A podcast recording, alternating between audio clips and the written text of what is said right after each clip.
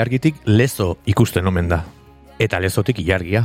Baina lezoko ilargi hori zein da? Ba gaurkoan gure etorri dena, ilargi abeslari eta sortzailea. 2000 eta emeretzian kontzertuak ematen hasi zen. 2000 eta hogeita batean bere lehen disko atera zuen sortzin kantuz osatutako aberondo diodan kila sisa hain zuzen ere. Disko hau estenatoki ezberdinetan barraiatu zuen, batez ere bakarka. 2008an ordea kaleratu berri du beldurrarekin dantzan bigarren diskoa, bueno, kaleratu berri, badira jabete batzuk. Baina gainera, izen bereziz inguratuta ere aritu da ekoizpenean, aritzarregi eta konponketetan Pablo Novoa ezaguna. Enteratu naiz edo badakit bide berri honetan musikariz inguratu duela bere burua, talde formatuan eh, esan daiteke, eta ala da bilorain, ensaiotan murgilduta, eta ibiliko da estenatokietan ere, datozen hilabetetan. Ni irrikitan nago berak zer kontatuko, beraz, ongi etorri jargi eta eskerik asko bigarren kafea hartzera animatzagatik. Kaixo. Ze muzabiltz. Ondo, ba, nabil oso gustora, e, zea musikarekin eta bar, e, bueno, diskoarena izan da pixka dena lokura, ze, bueno, nik nahi nuen estrenatu ja, baina grabatu genuen e, urrian, eta ertera mm -hmm. abanduan, osea, izan zen dena estresante, Terdunago fiskatu hain asimilatzen, gestionatzen dena, baina pospozi. Eta hor beti izaten da, ez? E, askotan e, jendeak entzun eta ikusten duenean e, esaten du, ah, orain atera du, baina bueno, prozesu askoz e, e, atzera gotik azten da e, normalean, orduan, diskonek ere ukiko zuen jada zure buruan e, ibilbide txiki bat, baina atera denean ja labetik atera berritan e, balantzea egiteko goiz egida edo balantzea ja positiboa da. Bai, nik uste, bueno, positiboa da, osea, nik, e, nik utxenez autokritika pixkatiten baina baritu detela aurreko diskoarekiko evoluzioa, bai soinuan, bai baitaren ni ere helduagoa naiz, ez? Ze bueno, aurreko diskoa baiatea zela 2021 batean, baina sortu nuen 2019an, 19 urtekin. Mm Ta disko hau, ba, esan duzun bezala, bere prozesua dauka, osea, urte beteko, bueno, urte eta pikoko prozesua auki du, bueno, bai, gutxi gara bera. Eta, bueno, azkenean, ba, letrak egin dituenean ja, hogeita bat urte nituen, eta, bueno, azkenean, niretzako izan dira ba, aldaketa urteak. Eta, bueno, ba, nik uste, balantze positiboa izan dela, eta hortxe nabil. Aipatu dezun lehengo diskotik bigarren erako e, jauzi horretan, e, eldutasuna nabari da e, ziurrenik e, kanpotik eta barrutik batez ere hitzetan etorla, baina adibidez, kuriosidadez, e, soinu aldetik zeintzuk izango lirateke mm, lehenengotik bigarrenerako jauzi horretan gauza ipagarrienak edo aldaketa nabarmenak? Ba, nik uste lehenengoan, zentratu nintzen batez ere pop edo pop rock aiten, igual pixkatindi, baina elektronika bastante baztertu nuen, osea baditu toke batzuk, baina guztiz baztertu nuen. Eta bai bigarren diskonetan ja animatu nintzen gehiago elektronikarekin, eta egia da bastante elektronika daukala disko, bigarren diskoneko. Osa, bueno, mantentzen dira ebai, ba, bueno, zuzenekoan ere badaukagu bateria akustiko bat, eta mhm. bar, baina bai bastante elektronika sartu dira. Osa, nik uste hor dela e, aldak, soinu aldetik hori da aldaketa eta gero pixkat e, sakonduko dut gehiago, ez? En, e, itz oso potentea eta interesgarria baino.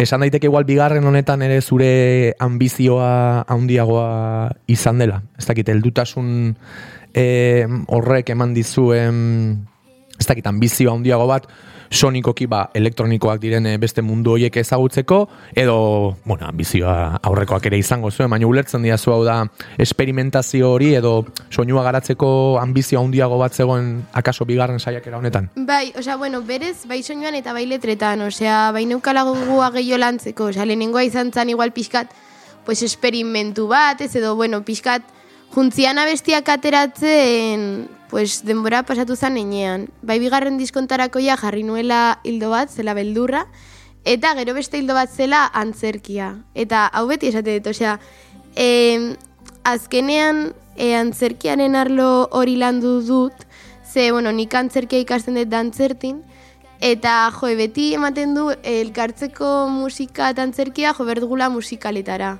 Esaten nola sartu daiteke antzerkia abestiaren barruan. Orduan, da pixka eta abstraktoa, baina sorkuntza prozesuan egin nuena izan zen, e, bueno, pues, beldurraren hildoa jarraitu ze bai, sortu historio batzuk, nere buruan edo, eta abestiaren bitartez historio horiek deskribatu. Orduan, modu batera edo bestera nik uste eta bestia sartzen dela, osea, antzerkia sartzen dela bestitan. Neri ez zait inolako erokeririk iruditzen, gainera oso identifikatuta sentitzen naiz, zen e, kasuntan zure kasuan tematikan izan daiteken bezala, nik antzerkigintza komposizioan eta dena e, ikusten dut.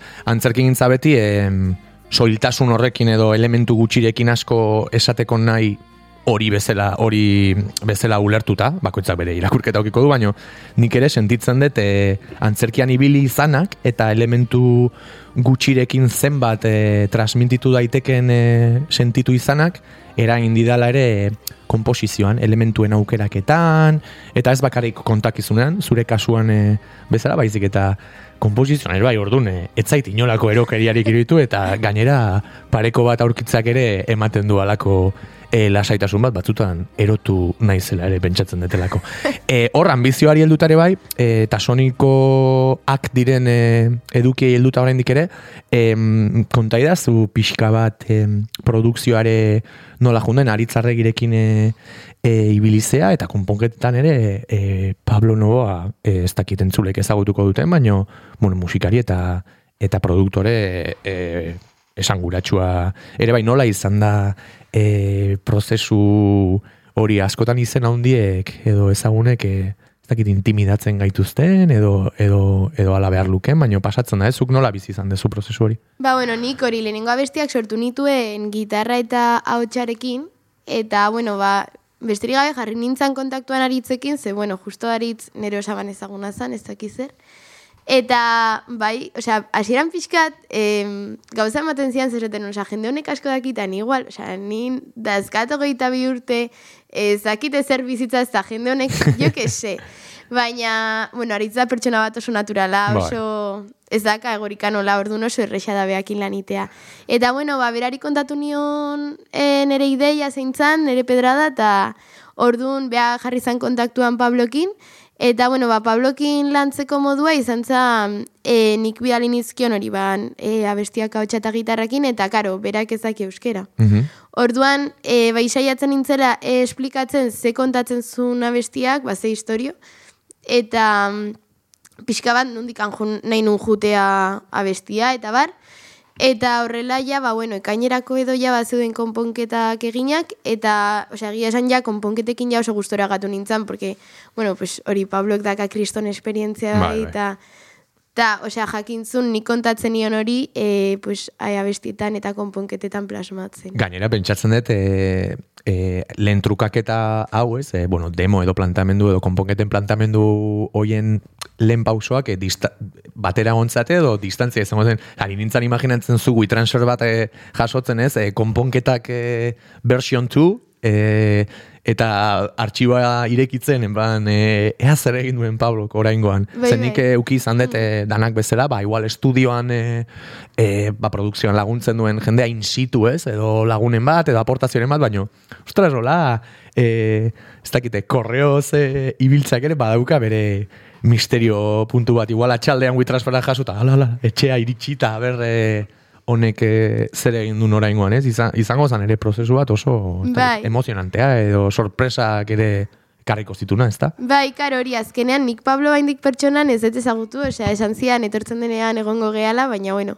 Eta orduan bai dena izan zen, osea, pues, WhatsAppetik, WeTransferretik ez dakiz zer, eta orduan bai, jo, nigo atzen naiz, e, nintzela, ze bueno, ni lehen urtean ibili nintzen e, Bilbon e, negon ikasten, eta lan batetik bestera arratsaldero, osea, klasetik lanera, beste lan batera, eta bar.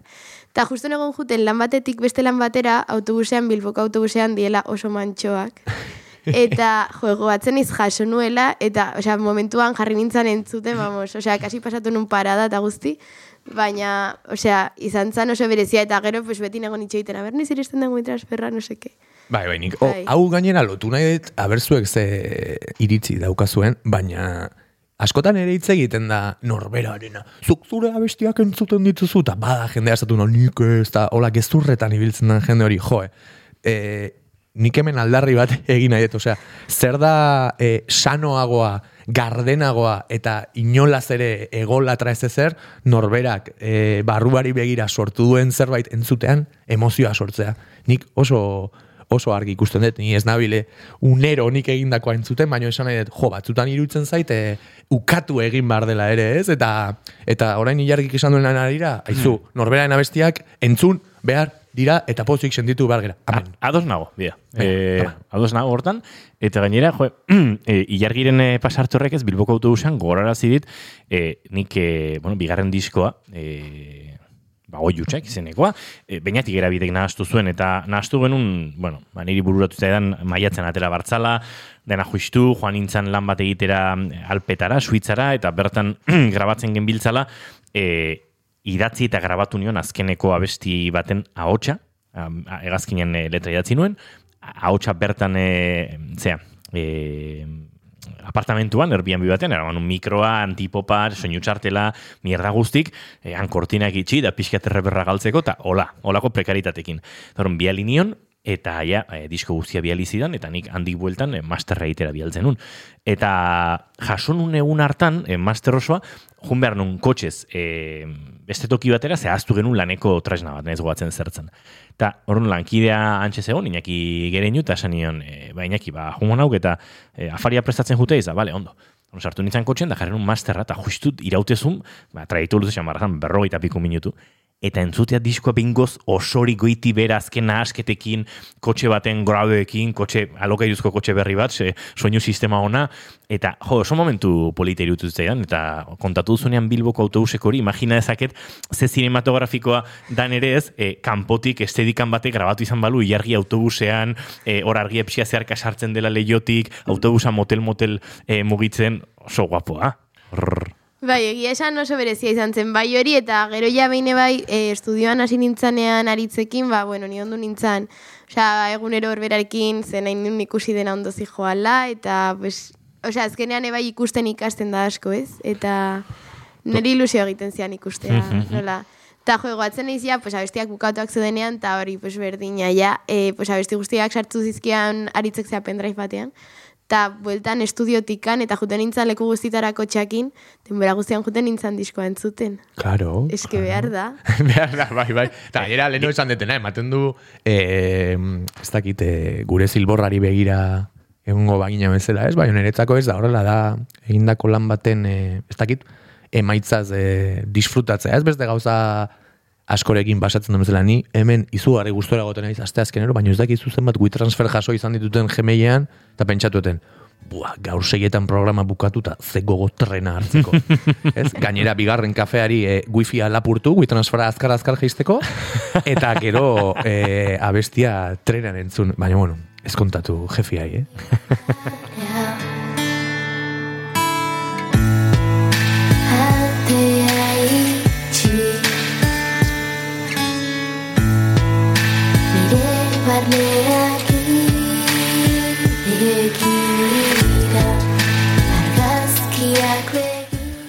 bueno, ba, WeTransferren eh, inguruan eh, pentsatzen jarraitzen dugu bitartean, iargi, animatuko zea lena bestia jotzea. Bai, bai, bai, bai. Eta esango diguzu zein dan eta xetasunen bat abesti honen eh, inguruan, spoiler asko gabe, eh? Ba, bueno, abestia hau da eh, nigan zaitut, bai ez, bai. Eske bat, izenak ja pixan dazten ditut. Eta, bueno, ba, hitz egiten du, e, bueno, esan bezala beldurrarekin dantzan ditzen da diskoa, hitz egiten du nere beldurrei buruz, eta bestionek, ba, bueno, hitz egiten du nere beldurra hundienari buruz dela eriotza. Agoaz, ba, nigan zaituten tutera.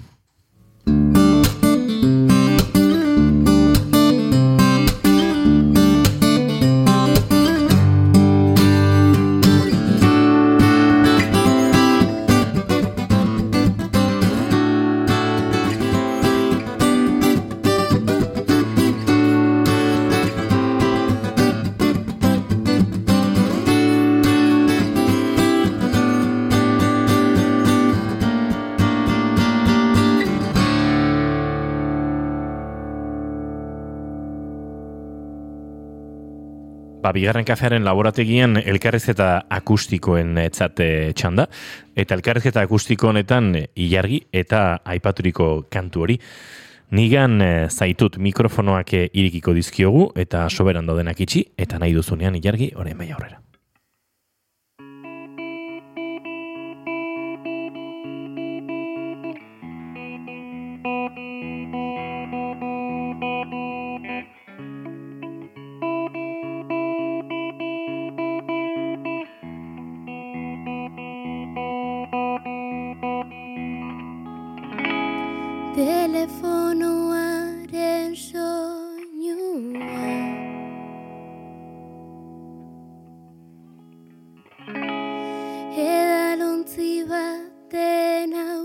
altura.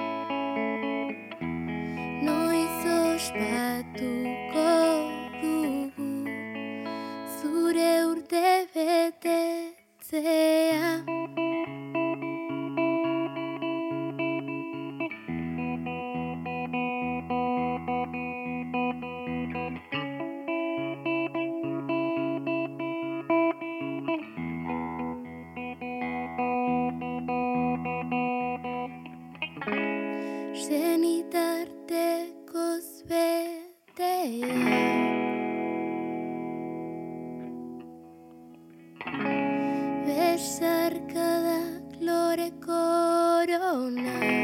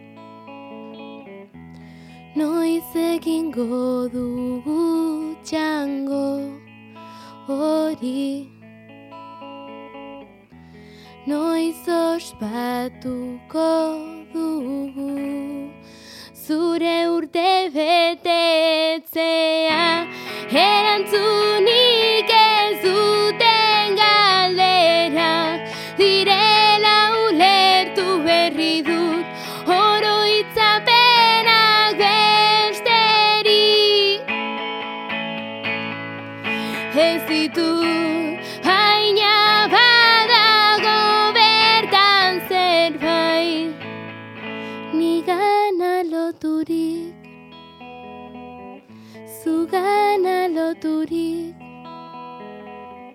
Nigana loturik Zugana loturik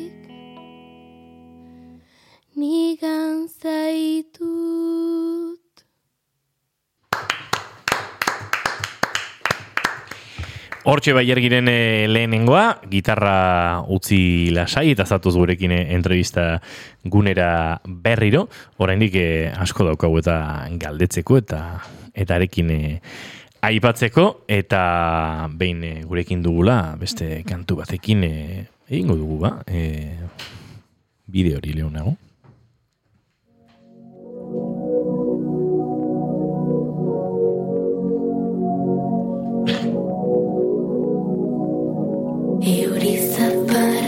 Zaparrada du Nire arimaren barnean eta zulatutako aterkia daukat gainean.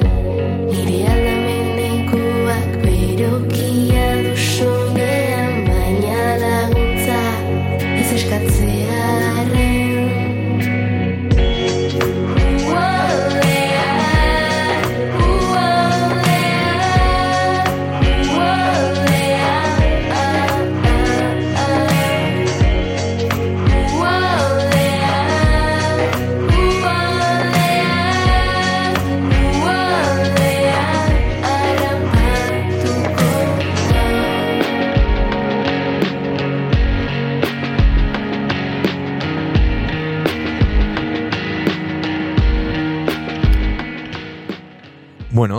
abesti hau jo baino lehen, oso interesgarri irutu zaite beldurren, e, bueno, eriotzari, edo eriotzari diozun e, beldur hori handien entzat jotzea, baina pixka bat ere diskoaren e, izenari eta beldurren inguruan e, aritze aldera, oso trastendental jarri gabe, baina irakurri detor e, bai sare sozialetan, bankanpean, e, artikuloren batan ere, e, beldurrarekin dantzan ez, e, kontzeptua, edo beldurraren kontzeptua, e, zuk eguneroko tasunaren baitan e, somatzen dezun e, gauza bat dela, eta hor asko gustatu zait nun baiten irakurri dizut e, batzuk badoa zela, beldur batzuk, baino berriak e, datoz, ez? Eta horrelako etengabeko prozesu bat da egunerokoa, eta bizitza ere orokorrean esango nuke.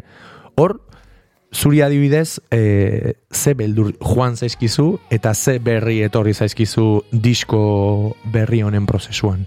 Ba, adibidez, e, bueno, eriotzaren beldurra, egia da igual e, pixkat harindu dela, ze, bueno, ba, nabile bai eriotzari buruz asko irakurtzen, eta irakurtzen ditut gauzak, bueno, ba, igual, pixkate bai e, nere alde jokatzen dutenak, ze, bueno, pues igual pixkat mistikoak, egon daiteke beste zeo zer orduan, horrek lasaitzen hau, ezaketegia den edo ez, baina, bueno.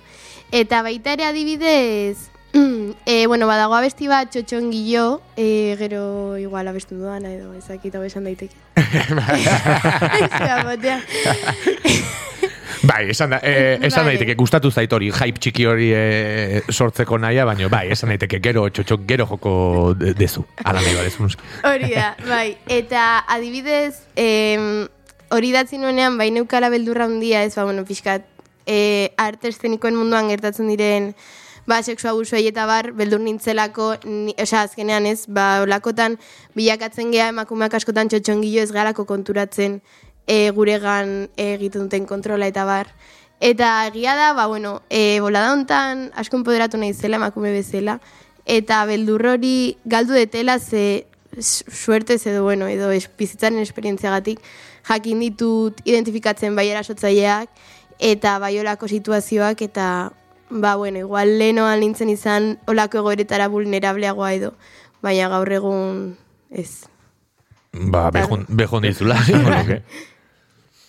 em, eta gero, adibidez, em, nipixka tematek, tematikali tematikali helduta, eh? Em, emakume, bueno, emakume gisa, gizarteak eh, tamalez askotan eh, bideratzen duen egoera horretaz gain, e, aipatu dezu arte estenikoen munduan, e, genero apartere hemen aipatu izan dira, ez? Kompetentzia arrakastaren pertsepzioa, e, ez dakit, bueno, kasuntan prekarietatea, kontzertuen beharra, mila aldagai daude edo, edo sentitzen ditugu normalean, ez? E, arte esteniko edo kasuntan musika eta antzerkiaren bidean, Em, zuk zen olako, ez dakit, bidea edo arresi topatu dezu ba, zure abestiak e, munduratzean eta kasunetan estenatoki gainean, pentsatu nahi bide profesional bate egiteko nahi horren e, atzean. Ba, egia da, e, bai nik uste dut gazte sortzaile bezala, ez dut uste dela igual genero kontua gehiago da emakume, osea, gazte izataren kontua ez, E, askotan oso zaila da kontzertuak lortzea. Osea, zeneri askotan gainea jendeak esaten dit inguruko jendea, jo, baina lortu duzu e, ez jotzea ezakin noiz, eta, eta da, ja, baina, osea, zenbat lan egin behar izan deten, edo zenbat email bidali behar izan ditudan e, jotzeko ez, e, pues, kontzertu batzuk eukitzeko ez. Eta azkenean ematen du askotan, sortzaileak egon behar ge, osea, askotan ematen du favore bat egiten digutela kontzertu bat ematen usteagatik, eta berez kontzertu bat ematen aigea zerbitzu bat eskaintzen. Mm Eta askotan astutzen zaigu hori. Eta bai hori arresirik handienan ikusten hori, ba, pixkat, eta gero baita ere bizigeala mundu batean, izarte batean dena dijoala superaz, karo, sare sozialetan, e, minutu batean ikusten ditugu irudi pila, ez? Eta orduan horrek bai egiten du produktu pila teatzen diela, eta mm, e, hola, pues hori, gaztea izatea eta bar, eta zerbait ateratzea eta horri bisibilizazioa ematea ez da bat ere erreixa. Ez, egia esan, eh, ez dakit saturazioa den hitza, baino badago eh, eskaintza bat hain handia ez, eh, arreta, mm, ez dakit arreta mantentza, baino egunerokotasun batean eh, inguruan dagon eh, talentu eta sorkuntza guztiari erreparatzea, eh, zaila egiten dela. Oso interesgarria irutu zait, eta heldu nahi diotorri ere bai, eh, ados nagoelako esan dezun, bueno, kontzertu batek eh, sortzailea eta programatzailea e, ze bi leku ezberdinetan jartzen dituen, eta nola askotan harreman hori ez dan, e, bueno, bat ulertzen, bi e, errespetatzen, hiru ordaintzen, eta lau eta bost eta eta sei ere okurritzen zaizki, baina hobeto hobeto ez esan, nik, nik ere berdina sentitzen dut, askotan e, gaztetasuna, e, aprobetsatzen du jende asko, que ez dakit nola esan, gezurrezko erakusleioak e, sortzeko bezala ez, eta ematen Bai. du... E, ematen du programatzaileak duela asmo duina bakarrik, ez? Eta ez e, ensaioak, lokala, materiala, diskoa eta beste mila gauz egin, ordaindu, sufritu eta gozatu dituen e, e, artistak ordun.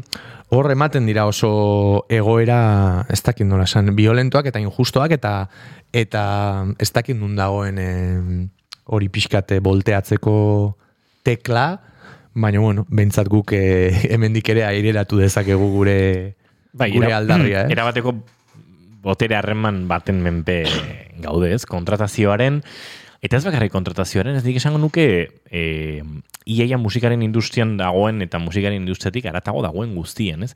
Izan lehiaketak, e, izan e, bekak lortzeko prozesuak, izan, e, ez da egite, bideoklipe lehiaketak berak, e, dana da oso korronten men, menpekoa.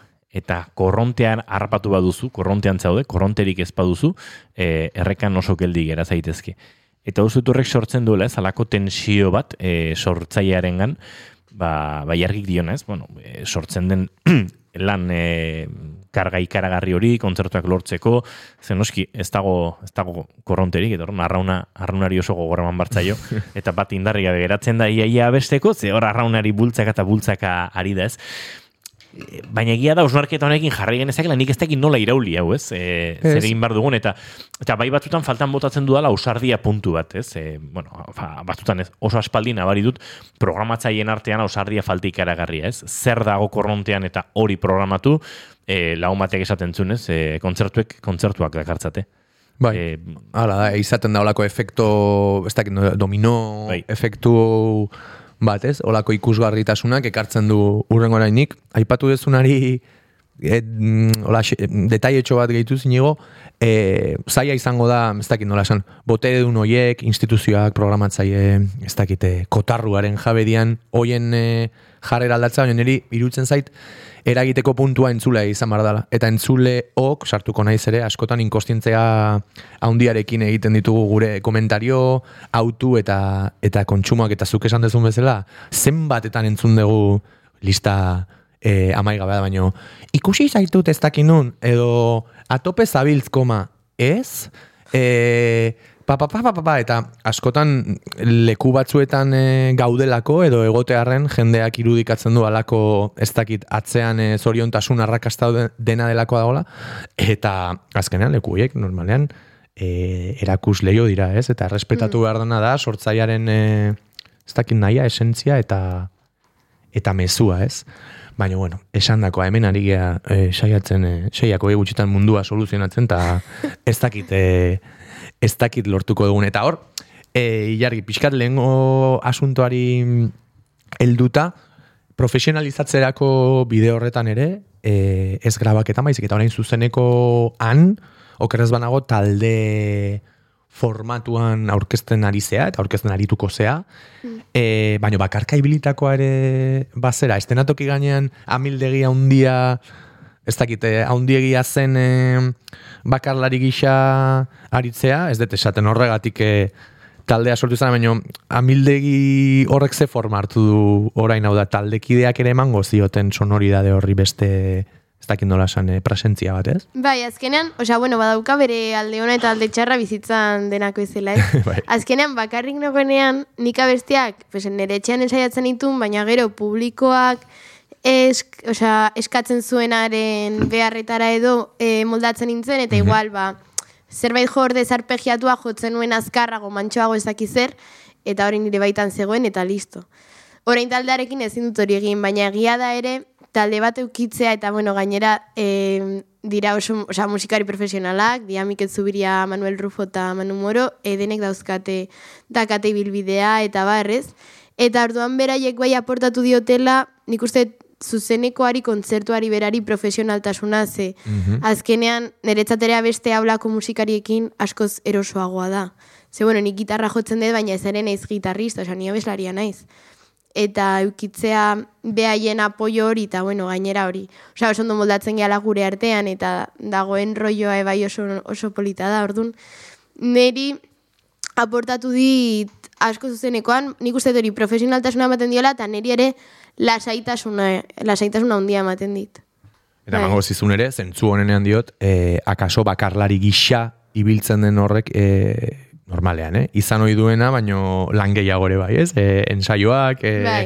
imaginatu ezaket Google kalendarra, eh, lau kontaktu berriekin eta eta burua usteak ere ekarriko zituen, baino ziurrenik ondorio e, eharrekin. Bistan da bezala, ez dakit inigo bigarren abesti bat eskatu. Hori zaman izun gaur bidea beharko egun. erresago, erresago duela. Gainera, espo, spoileatu du e, e, lehenago, baino... Ez que oso txarra naiz beti espaileatzen dit. Ah, Bueno, hau, hau, hau Spoiler zalea naiz. Gidoiaren barruan Bai, bai, lasai. Txontxongi, Txotxongillo. esan dezu ez. Bai. Galdetu beharko nitzuke zeren inguruan baino esplikatu diguzu lehengo, lehen, lehenago argi eta garbi, beraz, e, zoa zoltzara eta Bai.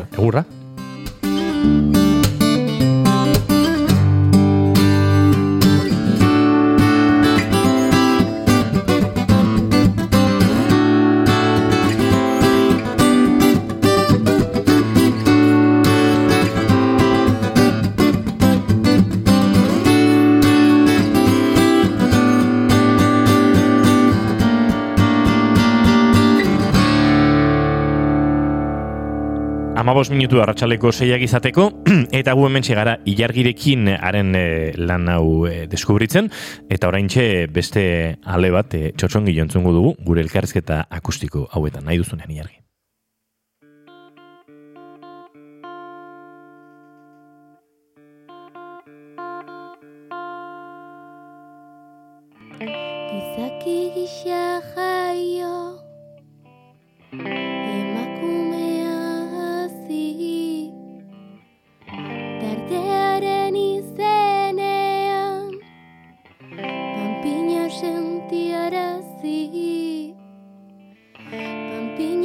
Pampina txotxongilo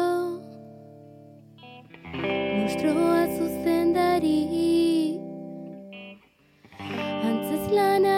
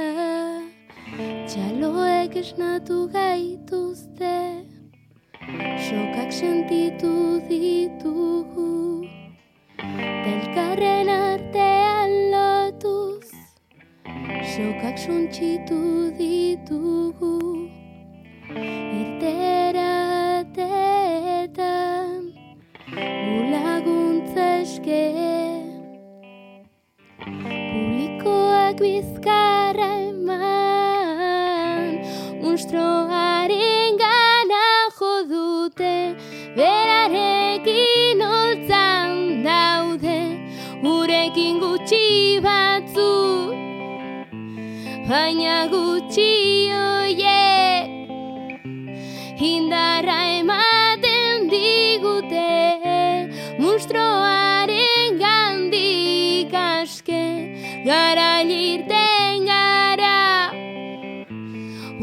gara txotxon giloak emakumeak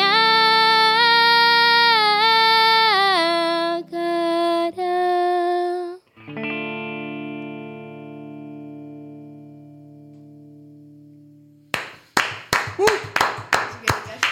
Hortxe txosongiloak e, eh, indarra du kantuak diskoan, baina hazi indarra duen e, ilargik e, gitarra soian e, eskaintzen e, duenean. E, gartxot, orentxe eskaini duen bezala. Bai, hor beti esaten da, edo, bueno, beti esaten da, igual bain txasmatuet, baina ez uste eta baiten e, entzun izan dela. beti esaten da, abesti batek bere, abesti on batek ez, bere formato biluzienean ere e, erainkorra behar duela izan ez. Hau da, espikatzen naiz. E, ba, ilargi jotzen ari zen bezala ez, bilu, biluzik inolako kapa gehigarririk gabe, hau da gitarra eta hotxa, e, horrela funtzionatu behar duela abesti batek e, ona izateko ez, fun, funtxorotan, gero de, gehitu diez ezkio gu mila gauza, baino. Nere lagun musikariatek esaten du abestia dago edo ez dago. hori da. Eta Ez da etorri. dena biluzten denean abesti bat dago. Hori da, Ez? Eta, hori da. Eta bestiak behar du, behar du egon.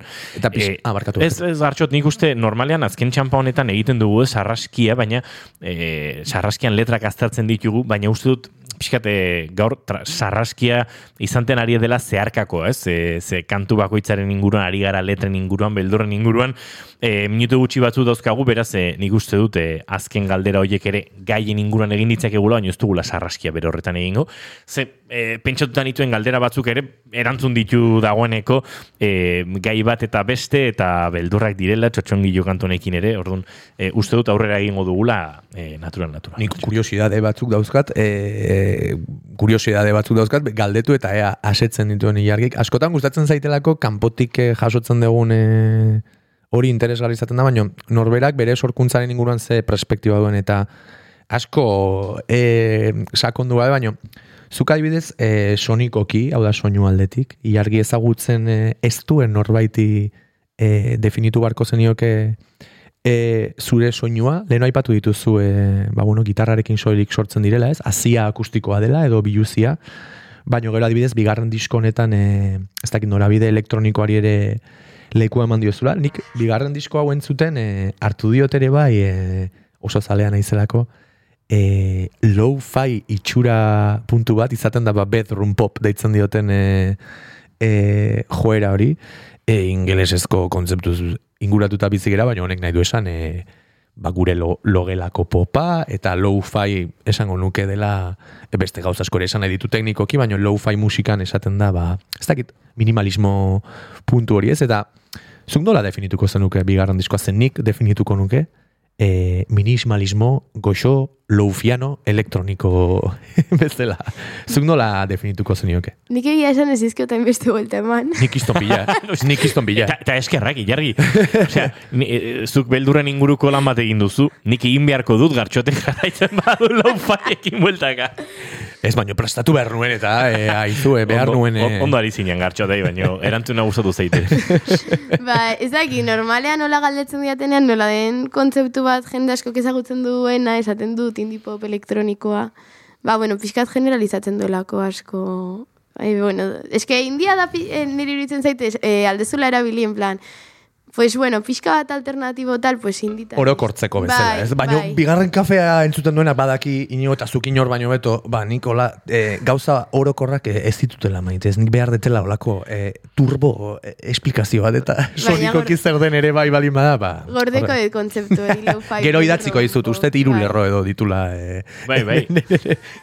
Urrengo entrevista ikusiko dugu eta ilargik. Bueno, lo-fi melodiko elektroniko eh, bakarti indiaren giroan mu- murgildu nahi nuen lanarekin. Eta adibidez, eh, hau ere kuriosidadez, eh, goiz da, urrengo sorkuntza edo disko baten inguruan hitz egiteko, baino bideo honetan eta dagoeneko pilatuta daukazun ba, eskarmentu horretan, imaginatzen duzu urrengo pausoa edo esperimentatzeko urrengo ezagutzez dezun gela bat zein izan daiteken? Ja argi daukat urrengo Wow. diskoa Ah, nola bai, landuko dudan. Orain behar dut, ba bueno, pixkat hasiko naiz edo bekak edo ez dakit ze dirua behar da, eh, hau Jo. gauzak egiteko. Baina ja bai badaukat pixkat sorkuntza prozesuak bai eukiko dula garrantzia handia. Eh, osea, eta baita ere dokumentatu nahi da sorkuntza prozesu hori.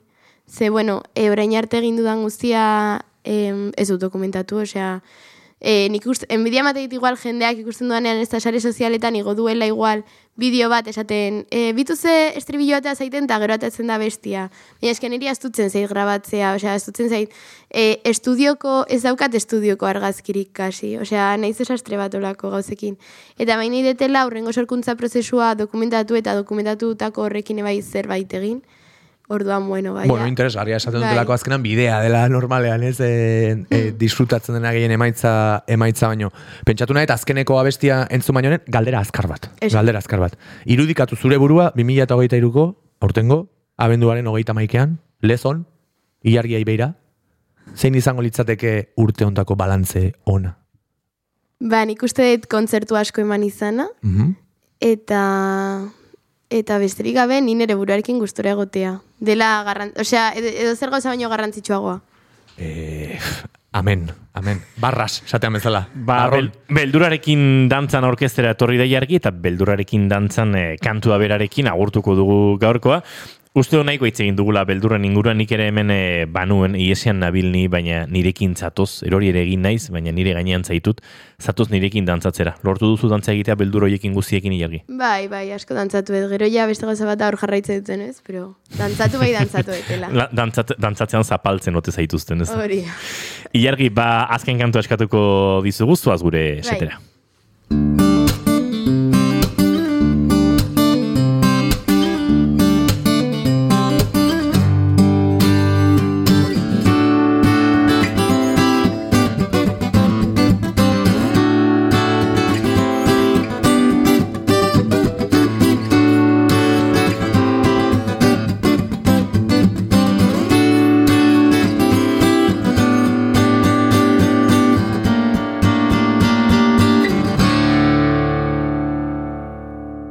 minutu arratsaldeko seiak izateko, eta gure estudioan afinatzen eh, ari da, afinatze lanetan ilargi, lasai afinatu ilargi, ez dago presarik, eta orain bai, nahi duzunean aurrera.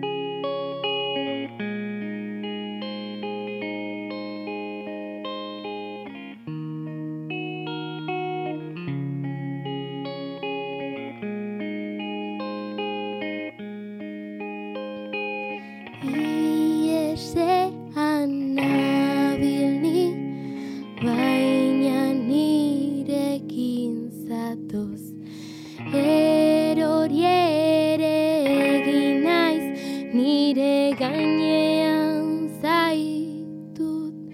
Eta zatoz nirekin dantzatzera, gauak irauten duen bitartean. Dantzatu zaize bilakatuz, aireratuko nauena. Eta begietara egiratuz, egunak argitzen hasi du. Piztiak orailore dira, eta zu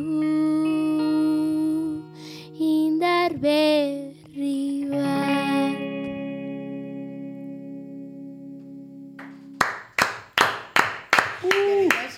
Ba, hortxe ilargiren e, irugarren kantua eskerrik asko zuri ilargi eta mila, mila esker, gaur gurera hurbiltzeagatik minutu bat arratsaldeko seietarako eta gu bagoaz, e, bihar arratsaldeko lauak eta bostean hemen izango gara, naiz irratien, bigarren kafean, eskerrik asko hor izategatik gartxo, jo, aio, Aio. idoia, agur, agur, agur zuei ere.